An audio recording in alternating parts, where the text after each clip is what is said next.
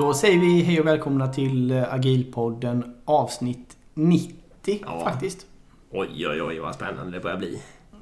Ja, det behöver bli det. Och vi ska också säga att det här är ett nytt år. Ehm, Så vi har precis kommit in i 2021 då. Ja, Eh, Och som vi brukar göra varje år så brukar vi börja året med att summera året helt enkelt. Så det här blir ett agila året 2020. ja. exakt. Eh, Ja, du heter ju Erik. Jag heter ju Dick. Eh, Och vi är Agilpodden. Eh, Och ingen gäst idag då, utan det är våran spaning på det agila året 2020 som gäller idag. Vi har ju lite glädjande nyheter vi ska börja med va? Ja, verkligen. Vi har fått en ny sponsor till Agilpodden, vilket är otroligt roligt. Ja, det är och vi kan ju också ge, vi kan vara transparenta nog och, och berätta hur det gick till också. Ja, gör det. Ehm, för- Berätta hur du, så, hur du sålde in det till mig. Det är det du ska berätta va?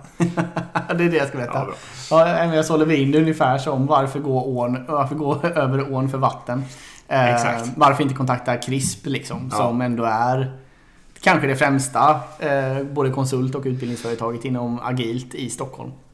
Precis. Eh, och, och så fick det bli. Så vi kontaktade dem och de var jättesugna. Så sjukt roligt kan vi presentera att vår nya samarbetspartner för den här podden, Agilpodden, är CRISP. Mm. Mycket välkomna in i Agilpodden-värmen. Ja, verkligen.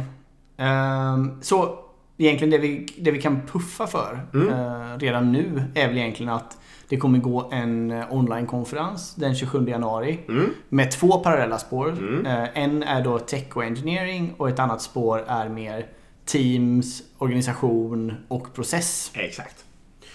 Eh, och så ska vi säga det, kanske alla uppfattar som självklart men det tål väl kanske att sägas också att CRISP har ställt om i stort sett hela kursutbudet till digitalt format så att man kan gå alla kurserna eh, utan att behöva eh, vara i folkmassor eller i, i klassrum och sådana saker. Precis. Då säger vi tack till CRISP. Ja, det gör vi verkligen. Och vi kommer köra, ni kommer få, de kommer få hänga med här under våren Exakt. så ni kommer få höra mer av dem. Ja. Ehm, bra. Då ska vi hoppa in lite på tillbakablick och vad vi har gjort under Mm. året. Ehm, jag gick igenom här på bara, okej vad, vad har vi gjort när det gäller agilpodden, vad har vi släppt liksom. Ja, Ehm, och då, man ser lite också vad som har hänt under året när man tittar på den av, avsnittslistan. Ehm, nu försöker du För lite först- säga att vi är trenden på agilt i Sverige. exakt. Bra Erik, Eh, fortsätt.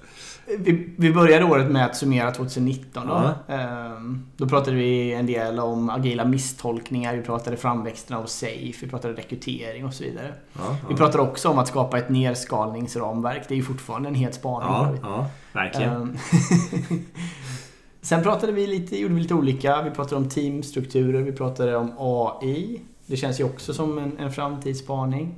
Vi pratade om utbildningar, vi pratade om eh, SAS, alltså Software as a Service. Just det. Sen kommer då här i första april så kommer Agilt jobba hemifrån. Undrar varför? Ja. Jag ska, säga till lyssnarna också att Erik har förbjudit mig att eh, covid-spana för mycket här så jag ska försöka hålla mig i skinnet. Ja, man, är ju, man ska ändå säga det. Man är ju trött på covid-spaningar. Det måste man ju ändå, måste man ändå säga. Men det, tyvärr kommer vi få några. Ja, särskilt jag kanske.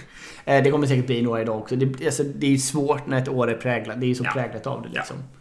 Ehm, sen pratade vi om det här ehm, agilt utan en produktägare. Om du kommer ihåg. eh, vi pratade med alltså en, en, ett team som jobbade helt utan produktägare med Just det. flit. Liksom. Mm. Det var också väldigt spännande. Mm. Sen hade vi ju kanske den kändaste gästen vi någonsin haft. Jeff Sutherland som är det. skaparen av Scrum. Mm. Mm.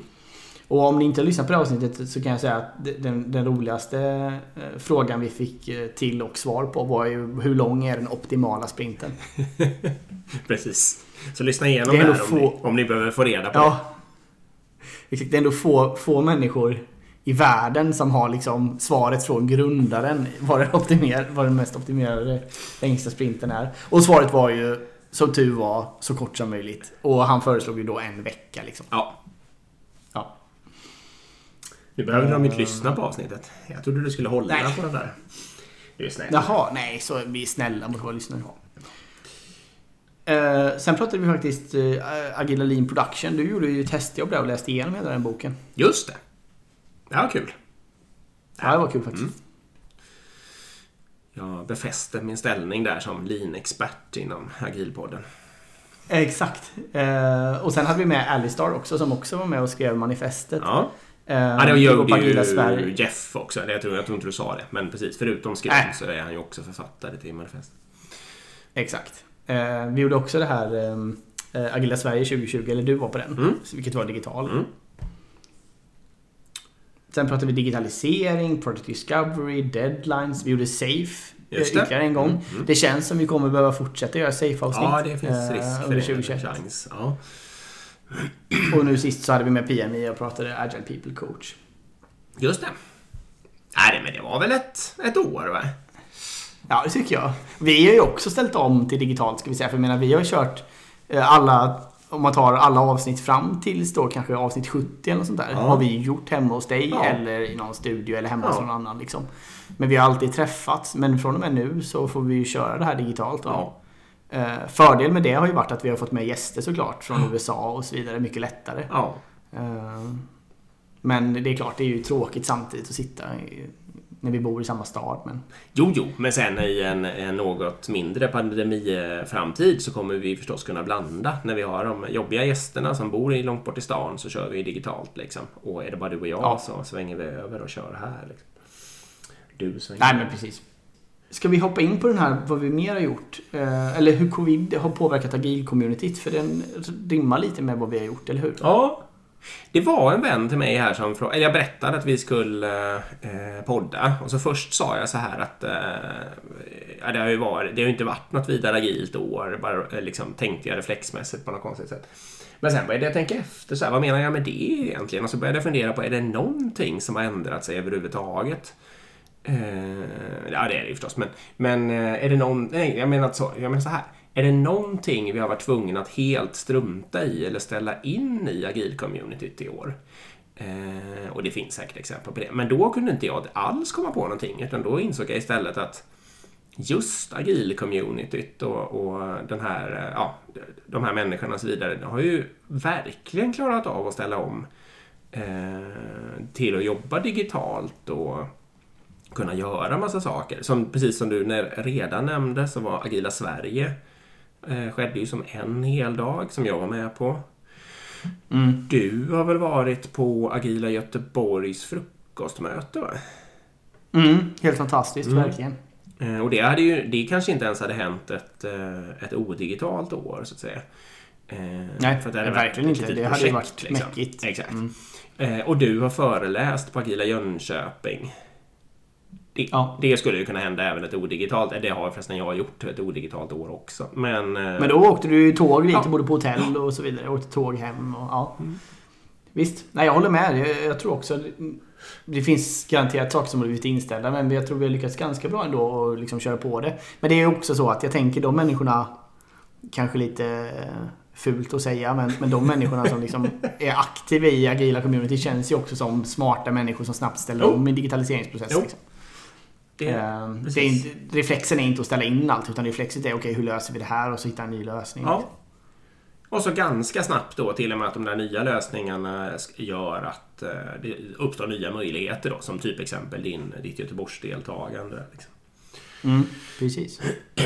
Eh, ja. Systergrej till den då? Det var väl du som märkte det först. Du märker ju alltid allting först. Twitters utspel där i maj kanske? Ja, den är ju spännande faktiskt. Vi la upp det på Agilpoddens Instagram då också men eh, de gick ju ut egentligen och skrev att de tillåt, kommer tillåta alla som vill då att jobba hemifrån för evig tid även efter Corona. Mm. Eh, och det var väl egentligen det första. Alltså det finns ju företag som jobbar så. Som har gjort det liksom strategiskt från början. Ja. Eh, det finns bland annat någon webbyrå i, vet jag, i USA som har gjort det här och är kända för det och så vidare. Men, men jag menar om man tar de här stora företagen så var ju Twitter absolut Ja. först då. Ehm, och det är väldigt spännande. De hade ju ändå självförtroende då att göra det efter att ha testat eh, i, vad kan det ha varit då? En och en halv månad kanske? Något sånt där. Ja. Jag måste ju nästan få dra min... Jag jag ska försöka dra den snällt här nu men... eh, eh, Där i, i mars när man började känna att det kommer nog vara bra om, om de som kan jobbar hemifrån här. Alltså jag fick ju ändå en sån Alltså, jag läser DN liksom. Fick en sån känsla. Eh, så jag började ju där, eh, innan det hade gått ut någon sån rekommendation, så började jag eh, ställa om organisationen för det. Liksom. Vi började planera för det helt enkelt och bestämde att vi skulle göra det tills vidare från en viss dag. Där och så. Eh, och herregud vad jag fick kritik för det, kommer jag ihåg. Mm. Ehm, dels från eh, framförallt en av de centrala staberna eh, men även från liksom ganska, som jag tänker mig, förnuftiga, smarta människor som normalt sett Ja, men då ska jag säga så att du jobbar jag ju på ett sånt företag där liksom kulturen och traditionen kanske lite... Man ska vara på jobbet, det finns någon liten sån lutheransk inställning. Liksom.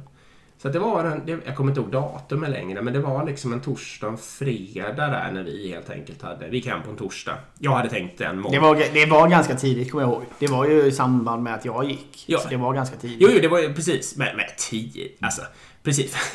vi gick hem på den här torsdagen och jag fick hålla på och försvara det här på den här torsdagen och på den där fredagen och jag tror även in på nästa måndag. Och sen gick Folkhälsomyndigheten ut med rekommendationen att alla som kunde skulle jobba hemifrån. Så det Då var... blev det tystare på den kritiken va? Det var, det var knäpp, totalt knäpptyst på en gång. Och jag var ju så, alltså det kliar i fingrarna. Du vet, jag hade ju fått mail ja. skickade till mig så här. Men det finns ju inga medicinska skäl och ska ni verkligen göra det här och tror du inte att det blir massa problem? Man ska jobba tillsammans och sådär. Och så var jag liksom, så jag kände för att bara eh, svara då. Vad här, tyck, var det jag sa? Ja, eller tycker ni, tycker ni att vi ska jobba vidare och diskutera den här frågan? Nej, det blir inte Ja, det är, det är faktiskt väldigt roligt. Alltså, jag fattar inte att man kan vara så blind heller riktigt för... Alltså det var ju, det var ju så himla uppenbart. Jag fattar att Folkhälsomyndigheten Alltså det, det, ska vara faktabaserat och de vill tänka efter och, och inte agera på bara på maggropskänsla. Men jag menar, det var ju ändå 95 procent eller 99 eller något i min maggropskänsla att det skulle gå på det här sättet. Liksom. Ja, ja, verkligen. Men, men jag, jag, jag tror majoriteten trodde inte det. Nej, det kanske är så. så du, Sånt kanske jag är känslig för helt enkelt. Ja, precis. Jag tror, jag tror du, den såg du tidigare än andra, helt klart. Det tror jag. Men det är också intressant för jag pratade med en, med en annan med en kompis om det här med hur viktigt det är i längden att ens egna liksom, kultur rimmar med företagets kultur. Mm. Alltså, för, för om, om, de, om de två har, nu vet jag inte om kultur är exakt rätt ord, men, men ungefär liksom. Mm. Um, värderingar och så vidare. Om inte mina värderingar rimmar med företagets värderingar och så vidare. Då kommer det, liksom, då kommer det uppstå en konflikt däremellan. Och väldigt många som är utbrända då, det är en orsak liksom. Att ah, de ja, två ja, ja. grejerna matchar inte. Det var spaningen. Ja, intressant. Och Ja, men det är ganska intressant. Och, och nu tycker jag man verkligen har sett liksom. Många företag nu har ju verkligen fått visa sitt riktiga, vad man ska säga, riktiga kultur och riktiga värderingar. Mm. Jag menar många företag eh, jag vet flera kända stora, stora företag som fortfarande långt, långt in i höstas och fortfarande än idag kräver att personal som kan jobba hemma egentligen fortfarande ska åka in till kontoret. Men de har ju tagit massor med sådana här skitåtgärder som att man får bara åka in varannan vecka och lite sånt där liksom. Men de fortfarande ja, kräver att folk ska in liksom. Um, min kompis var ju också med om det liksom att ja, du får åka in um, Du får åka in, du ska vara här två dagar i veckan, du ska vara här tre dagar i veckan och så vidare. Liksom. Uh, fast personen uppenbarligen inte ville och inte känner sig trygg med att göra det för det kräver liksom en, att man åker kommunalt och så vidare och så vidare. Um, så det har ändå visats liksom lite vilka, vilka är de här företagen. Det har blivit mer uppenbart liksom. Och det ska ju sägas också till mitt företags försvar, om jag nu lät lite eh, sur där i början, att eh, när rekommendationen väl kom, då har ju alla, då har vi ju från, eh, alltså alla chefer runt omkring med hela vägen upp i företagsledningen har ju stöttat den och det har ju verkligen fått fungera och jobba hemifrån. Liksom. Absolut, och jag ska säga, det var inte, det var inte ditt företag jag syftade på. Nej, det är det, men precis, nej jag vet. Uh, Men det är bara det, det visar, och jag menar, det, det ska vi också säga, så det visar ju också då lite mer vilka som är de, de dåliga företagen, men de, de som är bra också. De har ju också kunnat ha sin möjlighet att lysa här. Liksom med, mm. Jag har ju hört massa företag som gjort liksom massa smarta grejer. Typ att ja, men självklart betalar vi en bra kontorstol hem till dig så du kan mm. sitta bekvämt när du jobbar. Självklart kan vi köra hem skärmen från kontoret mm. till dig. Liksom, eller du blir ersatt med en ny. Eh, självklart kan du ta möjlighet att vara ledig. Alltså massor med sådana här åtgärder som har gjort liksom att, eh, att folk helt enkelt trivs mm. mycket bättre hemma. Liksom. Nej, och eh, Twitter lär ju ha tjänat. Det lär ju varit en annan duktig utvecklare som direkt började snegla på dem när de gjorde det där statementet liksom. Ja, verkligen. Och Facebook har ju gjort också nu nu kommer inte jag ihåg till vilket år de sa, men de har ju också gått ut och sagt att eh, till, vad det är, tre år fram eller någonting Ja. så ska hälften av vårt företag jobba helt remote. Liksom. Ja. Mm. Vi kan ta, vi fortsätter den remote-spaningen. Jag har sett så otroligt många sådana här eh, LinkedIn-röstningar eh, på liksom av, av, nu när 2021 kommer. Eh, var skulle du vilja jobba någonstans? Ja. Och så får man ju då göra liksom tumme upp om man vill jobba på kontoret. Man får göra hjärta om man vill jobba hybrid och så vidare. och så vidare. Ehm, jag tänkte vi kunde gå igenom en sån bara för att se vad folk, vad tycker folk? liksom. Ja, ja, jag har ju gjort... lite faktisk eh, data på det. Det har vi gjort på mitt jobb också. Jag har gjort det på min organisation. Ja, du har gjort det? Mm. Vad har du fått för resultat då? då? Då jobbade jag med en eh, femgradig skala som helt enkelt var dagar i veckan. Liksom. Eh, Jaha, spännande. Ja. Eh, och det var ganska jämnt spritt ändå får man säga. Det var väl få som bara ville vara på kontoret. Eh, Ja. Men sen var det, jag tror jag hade spelat ut helt hemma också. Vi jobbade nog med hypotesen en dag i veckan på kontoret. Men det var, det var liksom jämnt spritt mellan, framförallt tre och fyra dagar var de stora och tunga spelarna liksom. Eh, Tre till fyra dagar på kontoret. eh, hemma. Ja. Eh, Precis. Eh, så de flesta ville liksom hälften eller mer än hälften av tiden. Eh, kan man säga. Och så, men det var ganska många som eh, två dagar hemma också. Och, Okej. f- men få. Ja, spännande. Ja. Ja, precis. Nu hittar jag inte exakt den, men jag, tar den från huvudet. Eh, LinkedIn är hopplöst på det sättet att man ska hitta något Ja. man har läst en gång så är det ju det, är det mest omöjliga i världen. Ja. Ehm, men ehm, i alla fall. Då, då, alternativen var ju precis helt, helt och hållet jobba hemma, helt och hållet jobba på kontoret. Ja. Så det var fyra alternativ. Så det var liksom eh, de på kanterna. Ja. Och sen var det då eh, jobba en hybridvariant men ändå en majoritet på kontoret. Hybridvariant, jobba en majoritet hemifrån. Mm. Och den vann grovt kan jag säga. Den hybriden. Ingen, som du säger, de här, det var ingen som ville liksom bara jobba hemifrån. Nej. Eller ingen, men det var minoriteten Ja. som bara ville jobba hemifrån och bara ville jobba på kontoret. Och den som absolut vann var ju hybriden kring då. Jag vill jobba både och, men absolut mest hemma. Så det stämmer ju med din samma resultat undersökning. Och det här var ändå, vad kan det ha varit, 50-60 tusen något som hade Mm. röstat. Så det var ganska mycket människor. Nej, coolt.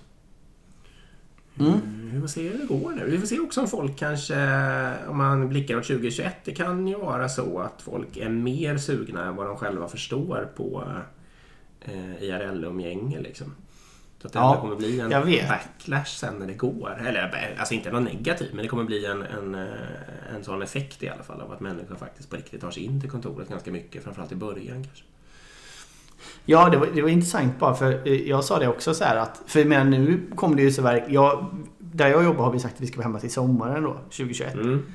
Eh, inklusive sommarsemester i princip. Så det är, det är nästan då att till hösten åker vi tillbaka till kontoret. Mm. Men nu när hela vaccinfrågan kom så är det klart att då blir det så här, nej men okej då kan vi gå in tidigare. Mm. Och då var jag så här bara, okej men vill jag det? För det är samtidigt är Du har ju liksom- tjatat mest av alla om att du vill träffa folk. Jag vet. Jag vet, men, men du vet nu när det blev sanning på något sätt så kände jag så här bara, men vill jag? Och, för jag har ändå, vad kan jag ha? 45-50 minuter enkelväg till just jobbet. det. Du vet. Ja. Två barn som ska hämtas och lämnas. Och, du vet så här, det är liksom praktiskt också. Hur får man ihop livet? Eh, För innan har det ju varit mer enkelt. Liksom, typ om man haft ett barn och eh, liksom den andra parten har varit föräldraledig och så vidare. Och det var min fru här i första och hon, sa, ju- hon fick ungefär samma reaktion som dig. Hon bara du är ju galen, du kommer åka in varenda dag. Det, det, det är nog faktiskt sant. Det är nog faktiskt utfallet. Jag tror i början kommer jag åka in hela tiden. Precis, men vi, Ehm, vi kan göra rätt eh, alla tre så att säga. Det kan ju vara så att du åker Ja. in de tre första veckorna nästan varenda dag. Mm. Och sen börjar det glesa ut igen liksom. Ja, jag tror det. För jag, det är det här. Det är ju vansinnigt. Det var någon annan podd jag lyssnade på också som sa det. Det, det är egentligen helt... Om man zoomar ut från det. Att vi ska jobba 40 timmar i veckan, 8 till 5 på ett kontor Ja. som är så långt hemifrån Ja. som många har. Det är i sig helt vansinnigt. Det är ju en, eh, jag menar, den fysiska, eller vad ska man säga, den infrastrukturella kontexten som hela den dogmen uppstod i. Den innehöll ju liksom inte fungerande videosamtal och, och chattar och sånt där. Det är det man måste begripa. Och då är det ju helt plötsligt makes sense. För att annars skulle det ju bli som att man får dela ut arbetsuppgifter och så åkte alla hem och jobbade med dem för sig själva liksom, utan att bara kunde kanske ringa till varandra eller någonting i en vecka eller något sånt där. Men så är det ju liksom inte längre. Eh, och där är ju inte världen Precis, om jag ska vara... Nej, precis. Om jag ska vara lite fördomsfull så var det väl också så att man sökte kanske jobb där man bodde alternativt man flyttade dit man fick jobb. För Ja. då jobbade man där Sant. hela livet, mer eller mindre. Liksom. Och så funkar det inte heller riktigt idag. De flesta byter jobb ganska ofta och man vill liksom inte committa sig helt till- till att flytta till en ny stad för ett nytt jobb och så vidare. Eh, För man vill kunna ha valmöjligheter öppna och sånt. Så jag menar i Stockholm, det är ju, de flesta har ju, det är inte så att man bor nära jobbet. De flesta har ju en lång pendling liksom. Nej, sant. Nej, och det kommer ju öppna också för att... Jag menar, det finns ju jobb som man skulle dra sig för att söka för att de låg helt och hållet i andra änden av stan och sånt där. Eh, Det kommer ju inte bli alls lika stora effekter. Eller ja, nu kanske inte ens i annan del av Sverige. Men framförallt sådana jobb där man kanske måste dyka upp lite då och då. eh, Kommer ju folk kunna ta. Även om de är i en annan del av stan. Liksom. Nej, verkligen. Det, det, det, det där är också intressant med... ehm, med, med för jag menar, som svensk så är det omöjligt att få jobb på de här Facebook och Twitter och sånt vanligtvis. Mm. Utan att behöva flytta till USA. Det är Mm. ett ganska stort steg ändå att flytta Mm. till USA för att ta ett sånt jobb. Nu kan du helt plötsligt jobba i Sverige med. Det är ganska häftigt. Det Mm. kommer öppna upp det, det öppnar ju upp för talanger liksom att i hela världen inte behöva flytta till USA bara för att få jobba på de, de bolagen liksom utan att du kan jobba på andra. Ja. Ja, coolt. Vidare till nästa spaning Ja, som nu- jag tycker har hänt under 2020. Nu har vi väl ändå fyllt covid-kvoten tycker du här, så nu får vi ta något annat. Ja, för, för, för 2020. Ehm, Scrum blir mer och mer ifrågasatt. Ja, blir det det? Ja, det blir faktiskt väldigt... I alla fall det här... Alltså vi ska säga så här, det är inte så att du och jag sitter här med massor med typ fem dataanalytiker och liksom kollat varenda tidningsartikel som finns. Utan det här är ju min magkänsla bara. Ja. Ja, för jag skulle Men nämligen... din magkänsla ja, säger- Kör du först. Ja, nej men jag tror folk, folk är mer och mer skeptiska till att... Eh, jag tror Scrum kräver kanske lite för hårt att man måste vara eh, bokstavstroende liksom. Det, det står ju det ganska tydligt eh, när man implementerar Scrum. Ja. Så här ska man göra. Ska börja by the book. Och så vidare. Ja, och du ska ha den här rollen. Du ska ha en product owner och den gör det här. Och du ska ha en scrum master och den gör det här. Och jag menar, de allra flesta teamen nu tror jag kör... Väldigt, väldigt många team kör ju utan scrum master. De har det mer som en virtuell roll. Den roterar på teamet. Många behöver eller, behöver eller använder den inte alls. För de har, nu har scrum funnits så länge också. Så ett team som har jobbat med det i säg fem år, sex år. Eller där alla har erfarenhet av det. Det är ganska, alla vet vad det här innebär. Man behöver inte en Scrum Master på samma sätt som liksom lär ut och faciliterar. Och, utan alla har varit med om det här så många gånger nu så det går liksom som ett tåg. Eh, jag jobbar ju själv med två team som inte har någon Scrum Master överhuvudtaget. Eh, vi, roterar knappt, vi, roterar faciliteringen eh, av typ demo, planering och så. Och det funkar hur bra som helst. Men visst tillåter väl Scrum att, man, att det är en roterande roll? Bara det att den ska vara tydligt definierad vem som har den. Eller? Pa, pass, jag vet Jag inte. kan, det tror jag. Men jag är inte heller helt Ja. tvärsäker. Det andra är väl också att visst tillåter väl Scrum... Det här med att det ska vara by the book. Det är väl bara första tre sprintar eller något sånt där? Eller? Sen får man väl... Sen får väl retrosarna styra vad som händer, eller? Ah, Okej, vi kan Jag, tycker att det borde vara så. Men jag kan, jag kan inte det. Men, men jag, det, det, bara- jag säger bara det är den här kritiken jag ser. Liksom, Mm. Att folk börjar ifrågasätta det här. Och det blir lite, du vet, det blir lite som med Safe i någon mån. Men vänta nu, är det här ett paket som man bara ska implementera? En Nej. metod som ska funka? Det är en best practice och så vidare. Vad, vad- vad är det här för något? Det passar inte oss. Eh, vi kan inte planera en, på en veckas horisont. Många, många, många mer går ju mot kanbanhållet Ja. anser jag. Liksom, där man bara istället vill ha ett flöde av saker. Ehm, och så. Så jag, jag, jag tror tyvärr, för jag är, jag är ändå stort, stort fan av Scrum ska sägas. Ehm, men jag tror tyvärr att det är... ehm, jag tror tyvärr att det, det, det kommer bli mer och mer ifrågasatt 2021. Vad heter det? Ja, alltså min magropskänsla innan du sa allt det här, den var ju lite att eh, Scrum ändå uppfattas som en otroligt trygg de facto-standard som man kan ta till när man inte vet vad man ska göra. Eh, men det, är ju, det motsäger egentligen inte. Den rollen kan du ju behålla, det är bara det att det kanske blir en lägre volym liksom. Men de som Mm. riktigt, de som inte har kommit igång med någon form av agilt arbetssätt och, ändå gärna vill det och är någorlunda kloka, de kommer ju verkligen kunna ta Scrum fortsatt. kommer funka Mm. liksom för att komma igång. Eh, Ja, verkligen. Mm. Ja, det är spännande. Ja, men det tror jag också. Jag menar, eh, Scrum är otroligt bra arbetssätt för ett utvecklingsteam att, att hålla på med. Eh, det, är inget, det är inget snack om det. Men, men det är klart, det är bra att ifrågasätts och allt ska ifrågasättas Ja. för det är då det utvecklas Ja, också. absolut. Så, och jag menar, det är gammalt. Det är gammalt nu. Är gammalt. Eh, och så, massa saker har hänt. Så det är också lite konstigt att det lyckas behålla sån stark ställning faktiskt. Ja, men det är ju för att det är så Eh, enkelt. Ja, och det är iterativt och man kan anpassa det. Ja. Och så vidare. Ja, ja, visst. Eh, Smart, jag menar smart, alltså ta eh, hjulet till exempel. Alltså till, tillräckligt enkla och smarta uppfinningar. De får väldigt lång livslängd. Fantastisk jämförelse just till hjulet. Nej, jag vet inte om Scrum kommer leva lika länge. Men, men jag menar, det, li- det drar lite åt... Om jag jämför med den andra eh, bebisen och um, Safe liksom. Eh, Då tycker Mm. jag att Scrum är mer likt hjulet i alla fall. Att det är, det är enkelt och lättbegripligt och kan använda, appliceras liksom på en enorm mängd eh, situationer. Ja, precis. Safe är mer fax liksom. Ja, exakt.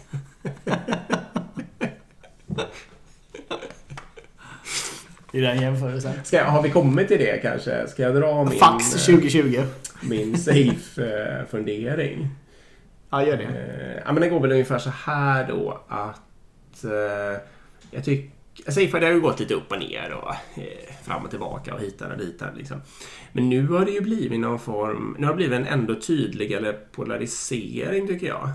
Att de, vad ska man kalla dem för, alltså dinosaurierna som inte riktigt klarar av att ställa om sig till någon slags modern kontext.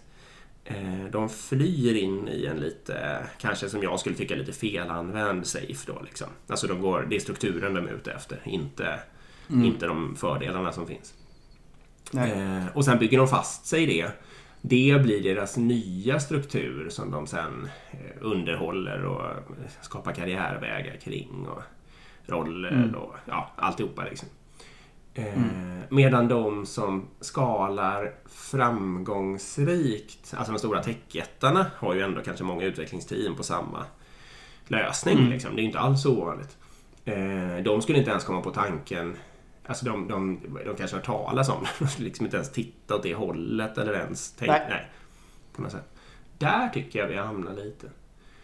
Eh, Jag håller med. Det, det är väldigt intressant. Man, man ser lite. Och jag, om man ska vara lite hård.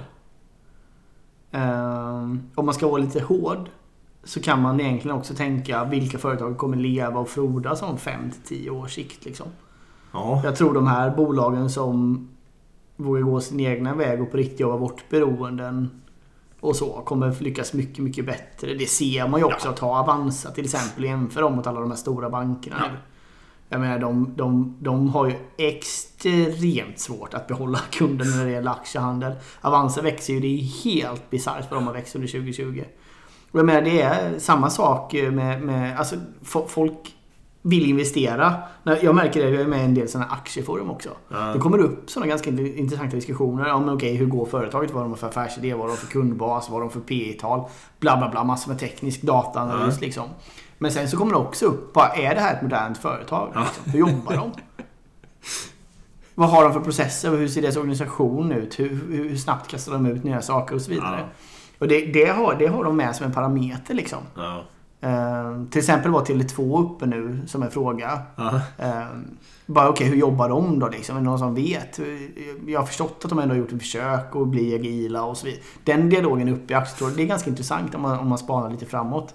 Eh, jag tror många av de här som sitter fast i sina legacy-system och inte på riktigt tar det på allvar utan bygger fast de här legacy-systemen i en safe-struktur. De kommer få svårt att överleva på ett Ja. par års sikt alltså. Ja, i alla fall om intäktsströmmen liksom är beroende av eh, av de IT-lösningarna. Annars kan man ju tänka sig Mm. att de kan överleva trots det, eller vad man ska säga. Om Ja, verkligen. Nej, men, ja, intäktsströmmen precis. det är något annat egentligen och det här bara är något nödvändigt ont som ligger och sopar i bakgrunden. Liksom. Det är sant. Nu spanar jag mest på rena techbolag liksom. Nej, Mm. precis. Mm. Fast sen blir det, jag menar, vad, blir en bank och ett försäkringsbolag exakt. och så vidare? De blir ju rena IT-bolag. Ja, Eh, Precis. Tyngdpunkten vältrar ju över åt det hållet i alla fall. Det är väl Avanza Ja. ett exempel på. Ja, ja exakt. Och jag menar det är ännu intressantare exempel på det är ju Jordbruksverket. Jag kommer ihåg när vi hade med Ola Berg i podden för länge sedan. Han borde vara med 2021 för övrigt. Det var Ja. länge sedan vi pratade om Ja. honom. Om du lyssnar Ola så kan du Ehm. höra av dig. Ja, gör det så bokar vi in någonting. Eh, jo men precis, vad ska jag säga med det? Jordbruksverket. Ja! jo men precis. Eh, jo men då sa Ola att eh, Jordbruksverket ser sig själva som ett IT-bolag numera. De är ett techbolag liksom. För alla deras tjänster är digitala. Och det var så här, för mig var det så här, vänta nu, Jordbruksverket känns ju spontant inte som en Nej. digital myndighet liksom. Nej. Utan det känns ju kanske snarare som det raka motsatsen liksom. Eh, Men det är intressant liksom, för- för en bonde att söka EU-bidrag och så vidare. Det är klart det är en digital app liksom. Eh, Så det, med, det blir ju ett rent och skärt IT-bolag. All, all, deras tjänster och deras interface med kund blir liksom IT. Då blir ju hela bolaget IT. Ja. Det är sant. Vi pratade ju för dem. Det kan vi nämna va? Ja, det kan vi nämna. Ja, kan vi göra. Eh, nej, jag skulle egentligen bara nämna att de var ju helt... eh, Det var en inspirationsdag för delar av deras IT-personal. Liksom. Eh, och den var ju givetvis helt digital och det var ingen som tyckte det var något konstigt. Och det var ju bra interaktion liksom och de var med och sådär. De kändes ju väldigt moderna där om man tänker på frågorna de ställde och sånt också. Ja, verkligen. Jo, men jag tror de har kommit långt. Men jag tror också, jag menar, har man mindset att okej, vi är ett IT-bolag. Okej, vi måste bli duktiga på IT. Hur gör vi då? Eh, och sen så börjar man ta in massor med bra föreläsare då som oss till exempel. Eh, nej, nej, men jag menar, då, då, då ligger man ju lite i framkant och är nyfiken på att testa nya saker. Och det, det är väldigt, väldigt bra tecken. Vi ska också säga det att generaldirektören kommer vara med Just i den här podden faktiskt för Jordbruksverket under våren här. Mm. Det, kommer, det ser vi fram emot. Det blir första gener, gener, generaldirektören vi har med. Ja, det är väl ta med, Är inte det första myndighetspersonen till och med? Eller? Jo, vi har haft med coacher som har jobbat. Vi har med, Ola var ju med och Jo, jo. gjorde just Jo. avsnitt om Jag menar Men anställda ja. personen på en myndighet måste nog vara den första. Jo, men det kan det nog vara. Och det tror jag också, om, vi, om, om, jag får lägga till ytterligare en spaning 2021 då. Mm. Så tror jag att vi kommer ha mer, mer, mer och mer myndighetsfokus på det. För jag märker ju också att agil, agil-communityt är extremt mycket statliga myndigheter. Mm, mm, det. Det blir mer och mer och mer. Jag tror Agila Sverige kommer bestå 30% av statliga myndigheter nästa gång. Eller folk från statliga myndigheter då. För de gör, många gör, de gör transformationer nu. Ja, det de är coolt. Hur kommer det bli? Det har jag faktiskt inte har hängt med på. Är det, ligger det datum ute för Agila Sverige eller? Kanske inte du har koll på heller. Jag har inte koll på det. Det får vi kolla upp. Kan Det är klart, vi hoppas vi kan täcka det i person i år. Det vore ju fantastiskt. Ja, men det hänger ju lite på gärdsgården där om det ska vara i början av juni eller slutet av maj. Liksom. Ja, det är inte alldeles säkert att de Mm. kan köra ett... Och det brukar ju vara 200 Nej. pers liksom. Ja. Det kommer vara vaccinkrav. ja. Det måste det byggas en lösning för eh, digitalt. Eh, För de, det, det verkar ju som att man planerar på att på riktigt ha vaccinkrav för vissa saker. Till exempel stora konserter, sportevenemang, resor och så vidare. Mm. Ehm, och det måste man ju bygga en ganska snabb lösning för. För man kan, Vet man kan inte gå runt med papper. Liksom. Vet du det förresten att de... eh, Det fanns ju, eller finns ska jag säga förresten, en eh, lösning för eh, journalföring av vaccin. eh, Som har levt i sådär lite halvlång tid, 10 år kanske? 10-13 vad det känns, Mhm. 2007 kanske?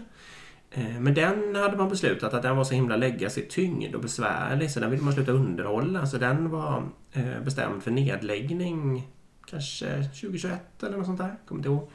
Ja. Eh, Men där var det någon fiffiga människor ändå som, eh, som inte bara liksom satt fast i sitt eget gamla dumma beslut utan som istället började titta på de här olika komponenterna. Eh, Vad händer om vi faktiskt ska hålla den här lösningen vid liv längre? Går det? Är det klokt att ge sig in i ett stort IT-projekt nu och vara helt beroende av det liksom, i anslutning till pandemin? Nej, det är det antagligen Mm. inte. Så de beslöt, och då såg de att det är klart att det går att förlänga det om man bara vill. Eh, Så den lösningen kommer leva kvar i några år till i alla fall. Okej. Det tycker jag kändes positivt.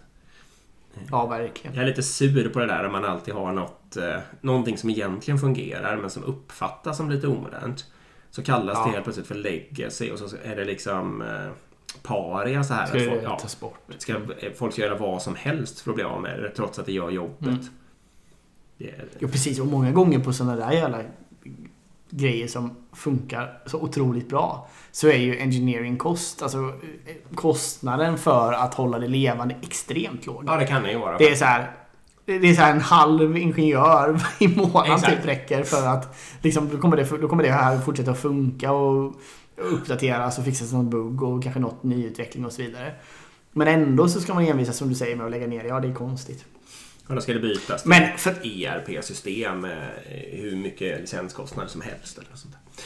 Ja, det låter bra. Det, är så, det kör vi på.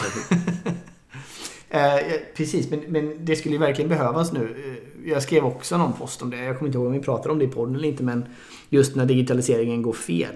Att förskola Alltså Ja. det har med förskola. De de apparna är ju så in i helvetes avancerade.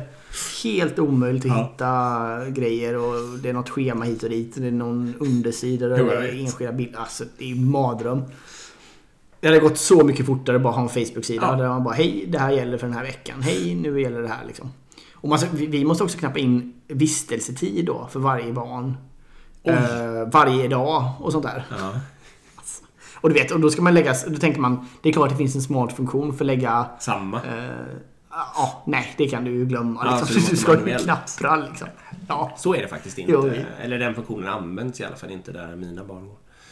nej det är helt vansinnigt. Eh, Men däremot något som är på riktigt svårt att komma ihåg. Det är ju de här jävla vaccinen. Jag menar det här TBE liksom. Ja. Man får en liten papperslapp. Ja. Här, nu ska du hålla den här i fem år. Det finns ju ingen möjlighet att jag kommer ha ordning på den lappen. Nej, och det skulle ju behövas. Jag tror att det är det som den där, äh, det där systemet löser. Men jag tror inte att just TBE-vaccinen är med i det då tyvärr. Eh, Nej, nej men jag menar exakt. skulle Det, det, det känns ju som en, en givenhet Ja. att vi skulle få en app där man bara Hej, här har du alla dina vaccinationer Ja. någonsin. Och de du planerar ska ta och så bokas det in och bla bla bla fixas där liksom. Eller man kan se dem där i alla fall. Ja. Och det där, precis, och posten var liksom de, eller de grejerna då mot varandra lite. Att digitaliseringen går fel. Man fokuserar på någonting som hade man kunnat lösa med en lapp på väggen eller en whiteboard-tavla i entrén. Liksom. Förskoleverksamhet. Medan sånt som på riktigt är svårt att komma ihåg, det kör man på pappersprodukt. Liksom. Ja, det är lite sant faktiskt. Och som du säger, man skulle Mm. kunna lösa det med en papp, ett papper eller en whiteboard. Men man skulle också kunna lösa det med 51 andra digitala, som du sa, en Facebook-sida, ett Google-doc. Mm. Alltså det skulle duga med lite vad som helst. Liksom. Mail för den delen är ju någon form av digitaliserad lösning. Eh, och just Ja. de grejerna ska man göra till någon slags oanvändbar perfektion som bara stör alla människor. Liksom. Helt vansinnigt. Det, alltså de här, och sen, jag menar, vi ska inte ens gå in. Vi, jag kommer ihåg att vi spanade om det här sist också med skolplattformen, exakt. Och nu är vi inne på förskolan. Men menar, sen är det ju vansinnigt nog. Nu har vi haft våra barn på tre förskolor. Det är ju olika appar för varenda förskola dessutom. Ja, just det. Så alla de här tre har haft helt olika system. Jag fick till och med gå eh, en och en halv timmes utbildning på min förra, förs förra förskola i hur den här jävla appen funkade. Det är helt, alltså en och en halv timme satt vi och tittade på en app. Liksom. Då kanske man inte har byggt den tillräckligt bra, eller vad tycker du? Nej, kanske inte.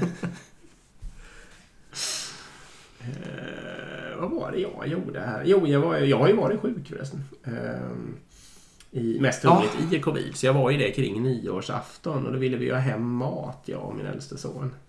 Eh, jag har aldrig Mm. faktiskt inte handlat mat via de här, eh, alltså Uber Eats och Foodora och de här. Eh. Men det tog ju verkligen bara alltså en minut eller något sånt där att komma in i. Ja, jag, jag, alltså jag åker ju med Uber. Eh, så jag har samma inloggning, alltså bara tjopp tjopp. Eh, Ja. Så dök det upp en sushi här 45 minuter senare. Det är sjukt smidigt. Ja, det var faktiskt riktigt smidigt. Vi har ju handlat eh, all vår mat digital sen då mars. Ja, men du menar Alltså, du... även- Eh, eller du menar väl framförallt eh, alltså själva råvarorna så att säga? Det har jag gjort länge. Ja, precis. Exakt. Ma- Majoriteten är ju då, men vi har ju vi, nu på vardagar så kör vi hämtlunch på Foodora varje dag. Ja, det gör det. Ja, absolut. Jag kommer ihåg också min fru åkte iväg och då, då var jag... Hon åkte iväg med båda barnen så jag hade vi lägenheten när vi bodde i lägenhet Ja. för mig själv. Och då kommer jag ihåg att jag bestämde mig bara för det är, det är ju rätt mycket underhåll med två barn du vet som ska, man måste diska och man ska fram och grejer och torka. Så jag bara okej, jag ska inte röra köket på en veckas tid. Så jag körde en hel vecka med bara Eats, Foodora och så vidare. Det funkar hur bra som helst verkligen. Helt felfritt. Man kan ju inte med köpa hem massor med godis och sånt numera. Du kan Mm. köpa hem godispåsar Mm. och chipspåsar och cola och glass och Ja, allt möjligt liksom. Det är rätt smidigt. Ska jag dra den här då? Eh, jag vet inte hur mycket till spaning det är, men det är bara en sån, ett påstående. Eh, att nu är det, det, jag tror att det är ett drömläge nu eh, för alla moderna människor på något sätt. För att den här COVID, den påtvingade covid-digitaliseringen, när man sen kommer kombinera den med någon, en självvald dos IRL, liksom, då Mm. kommer man ju kunna få människor att åstadkomma ändå mycket större underverk. Eh, och de får lite frihet då liksom. Man kan köra sina workshops, man kan köra sitt sociala. Eh, men sen har man ändå friheten att vara hur effektiv som helst, var som helst, när som helst. Liksom. Mm. Eh, så jag tror kanske världen, eller delar av världen eller techvärlden kommer lyfta senare 2021 på grund av det. Liksom. Jag håller helt, håller helt och hållet med om den spaningen. Jag menar, nu har vi ju ändå... Vi, vi, vi tappar effektivitet av att alla sitter hemma hela tiden i och med att vi tappar mycket det sociala. Folk mår ganska dåligt och det finns massor Ja. med bieffekter av att folk är rädda för att bli sjuka och man kan inte umgås med... Ja, och så vidare och så vidare. Men nu tar vi bort det och sen, dessutom- lägger vi på som du säger massor med so, det sociala på det. Så vi får liksom det bästa av båda världar Ja. i någon mån. Det Det borde- borde ha en bra effekt. Borde kunna bli så. Och vi har ju också mest troligen sparat 20 år eller 10 år av den här digitaliseringsprocessen. Vi har ju förkortat den liksom. För det, det, det, det hade dröjt Ja. innan något företag hade gått ut och sagt nu jobbar vi helt och hållet hemma. För det, det ingen trodde på det. Nej. Nej, det är så. Sammanfattningen av eh, 2021 då, den blir väl eh, safe-cementering kommer sänka vissa företag. Eh, andra företag kommer lyfta till oanade höjder när de kan börja ses självvalt i lagom dos i kombination med digitaliseringen. Mm. Eh, Scrum kommer kanske bli mer och mer ifrågasatt. Eh, och människor kommer hitta en arbetsglädje i det här. Alltså friheten antagligen om de jobbar på i rimliga organisationer. Mm. Nej men verkligen. Och äh, agilpodden fortsätter. Precis. Ehm, vi, vi, vi kör på i full vi har gjort 90 avsnitt nu, galet nog. Det Mm. trodde vi nog inte när vi började att vi skulle komma hit. Men Nej.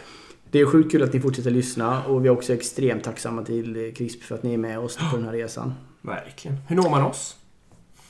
Man når oss på agilpodden.gmail.com eller på agilpodden på Instagram. Just det. Jag kan lägga till en, en, en annan puff också. Det är faktiskt att du och jag itererar på ett nytt podcastformat också. Just det. Ehm, inte, inte för nödvändigtvis på något sätt ersätta agilpodden utan det är bara för att få utlopp av ja, men, eh, testa en annan typ av podd Mm, bara. mm. Ehm, vi pratar ju ganska ofta på telefon Mm. eller på mm, WhatsApp eller så vidare där man gör olika spaningar om olika saker. Ehm, och vi har pratat ett tag om att testa det. Så nu har vi faktiskt lanserat en podd som heter Ledarskapspodden. Fem minuter om dagen. Ja, exakt. Konceptet är att vi pratar med varandra i fem minuter om dagen och så släpper vi det bara rakt ut egentligen. Jag lyssnar inte ens på det innan jag släpper det faktiskt. Nej. Jag lägger bara till intro och outro-musik och sen släpper jag ut det. Ehm, och det är lite mindre proddat då för vi, i och med att vi spelar in det. Vi, vi spelar verkligen in ett avsnitt varje dag. Ehm, så blir det ofta ibland i tvättstugan. Du stod ute i minus 20 grader under nyårsafton till exempel. Jag gjorde det. Ehm, och så. Men kolla gärna in den. Den finns där poddar finns. Heter Ledarskapspodden. Mm. Ehm, eh, och ni får jättegärna skicka feedback på den också. Verkligen. Och eh, CRISP stavas med C som första bokstav och man hittar dem på CRISP.se ska vi säga också. Då så, då tackar vi för oss. Ja, det gör vi. Tack för att ni lyssnar. Mm. Tack för idag. Hej. Hej, hej.